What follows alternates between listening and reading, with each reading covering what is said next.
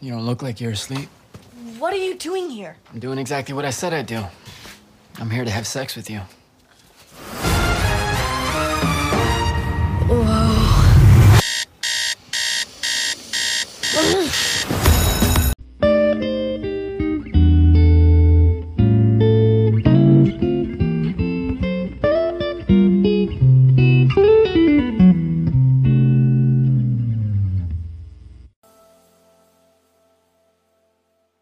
Hey hey hey. Selamat bergabung kembali di channel BB69 Pada kesempatan hari ini kita akan membahas mengenai film serial baru nih Drama komedi remaja Yang berjudul Never Have I Ever Yang baru keluar season pertama dan jumlah episodenya itu eh, 10 buah. Nah serial ini bercerita mengenai seorang gadis remaja yang berusia 15 tahun yang bernama Devi yang diperankan dengan baik oleh Maitreyi Ramakrishnan. Nah, si Devi digambarkan mengalami kelumpuhan sejak ayahnya meninggal dunia. Namun, setelah tiga bulan kemudian, kakinya yang lumpuh itu tiba-tiba karena satu kejadian nih. Nanti di, dikasih tahu kenapa uh, ia ini dapat menggunakan kakinya kembali, jadi dia sembuh. Tapi bukan berarti segala masalah yang yang dia hadapi itu menjadi gampang nih dan menjadi selesai otomatis. Kenapa? Karena dia tetap harus hidup kok sebagai remaja dengan segala masalah yang ada. Salah satu pencipta serial ini adalah Mindy Kaling. Dia ini merupakan seorang aktris, komedian, dan penulis yang namanya sebenarnya sudah melalang buana di dunia hiburan. Seperti di sitcom The Office, Mindy Project, Terus abis itu ada Champions dan juga miniseri uh, For Wedding and a Funeral. Dalam penulisan serial ini konon terinspirasi dari kehidupan masa kecilnya sendiri yang dialami di daerah Boston. Menonton serial ini ada beberapa hal yang cukup menarik nih. Seperti yang pertama itu para tokoh dari serial ini kalau kita lihat ini semuanya multiras namun tidak terpaku pada stereotypes yang ada selama ini. Yang kedua, mengangkat beberapa budaya India nih dan menjadikan sebagai bahan untuk konflik di dalam serial ini. Dan menurut saya sih cukup menarik nih dari mengenai perjodohan pernikahan dan memukul anak itu sebagai disiplin, terus adanya makanan-makanan India dan lain-lain. Dan pastinya hal di atas digambarkan dengan baik dan juga menghibur. Nomor tiga itu permasalahan remaja dari percintaan, popularitas, media sosial, persaingan belajar, dan masih banyak lagi. Ini diangkat dengan bentuk komedi dan terkadang dalam bentuk drama yang cukup baik sih menurut saya.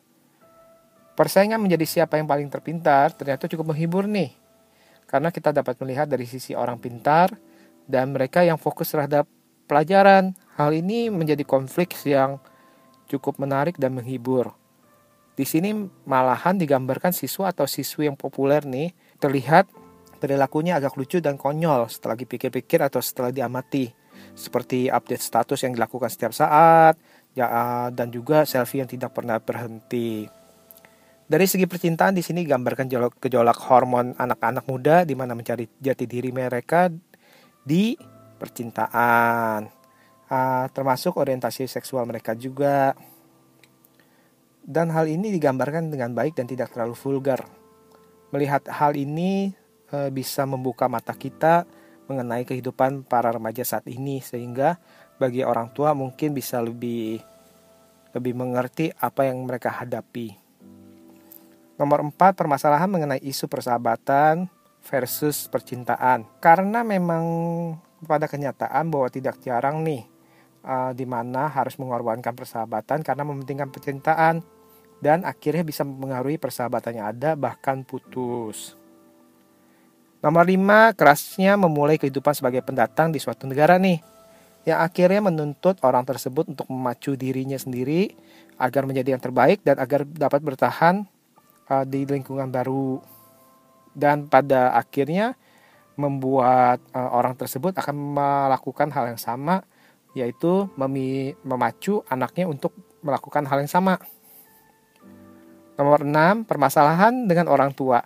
Di sini drama dengan orang tua cukup baik sih. Dari membahas mengenai pandangan yang berbeda, harapan yang tinggi, juga ada kisah di mana ada orang tua yang tidak bertanggung jawab. Hubungan dengan orang tua dan anak sepertinya penting dalam serial ini, dan ini membawa aura yang positif menurut saya. Serial yang awalnya kita berasa dibawa ke dalam konflik remaja pada umumnya, namun sejalan berjalannya episode kita diajak ke sebuah drama ringan namun relate dengan kehidupan dan membuat kita bercermin nih. Dari para karakter sendiri cukup baik sih menurut saya. Karena masing-masing uh, karakter perlahan dibukakan latar belakang kehidupan mereka. Juga rahasia-rahasia yang mereka sembunyikan. Hal ini adalah baik karena kita semakin terikat secara emosional terhadap mereka. Tidak ada tokoh atau karakter yang murni putih atau hitam, atau yang sangat perfect kehidupannya.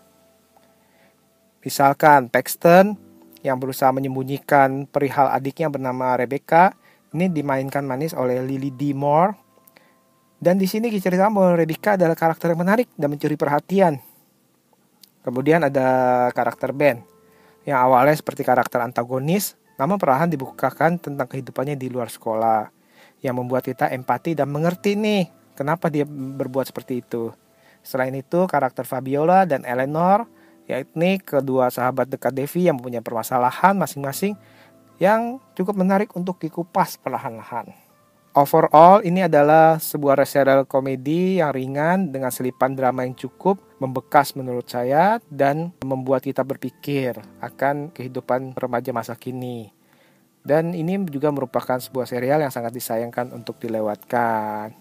Skor dari saya 7 per 10. Jangan lupa follow uh, podcast kami di BB69, di Spotify, di Anchor FM, dan juga di Google Podcast. Uh, juga IG kami di @babybuntel69 dan akun YouTube kami di BB69 Papa Kalong. Oke, okay, see you.